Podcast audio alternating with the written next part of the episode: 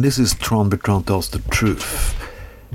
Well, I am one of those many who've been working a lot, taking every mission and every opportunity to get some money for the last few weeks because the economy is rather bad now because of the corona restrictions. Yeah, they're right, I know, but when you work as in nightclubs, bars, and with concerts and arrangements and so on, it's not a very good time to earn money. I've been lucky. I had a hospital not, not nearby where I live that I can work some some shifts, and I get some acting jobs too, so I can earn a little bit of money. Not much, but I keep my head above water.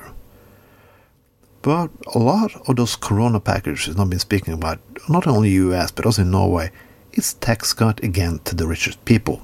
You know, those people on the top. Most people who work in nightclubs and bars and so on, they are small businesses.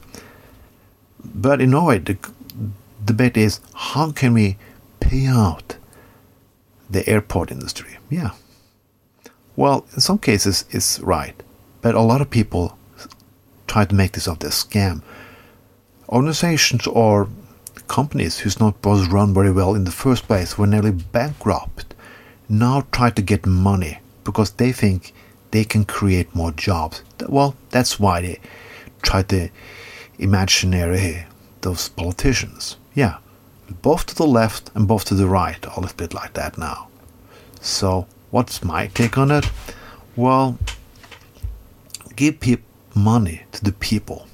Yeah, economical basic income, higher wages. They look like, but Tron, do you want to close businesses down? No, I don't. But if you cannot run a business without having slave work pay, then you should not run a business. That means you're not very good at it. I've been talking about this before.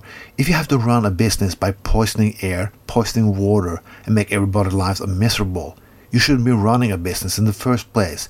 It's not your fucking God given right. To do that, you have rules and regulations for everything else, but not when it comes to people want to make money and being businessmen. Then suddenly everything is illegal. That's very fucking strange. And who's making the money during this crisis? Well, we're talking about a lot of big companies and so on making money. But it's the people who work there for low wages who's making the money. Yeah, they are making the money. A lot of the, uh, the elite always try to tell us like they are what gives us the money. Like the reason why we give people work is just like so they can have something to do to we can share a little bit about money they can deserve that. But the, the workers are those who make the money. Amazon could never chief could never be that rich. Hadn't we had a lot of people with very low income working his ass their asses off and making him a lot of money? We are going back in time now not forward when people were talking about Make America Great Again, it was about the times in the 50s.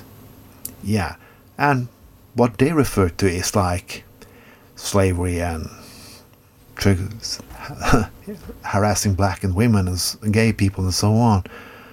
But the working was better at that time. Oh, I want to go back to strong unions, high wages, high taxes on the rich yeah, higher taxes on the rich.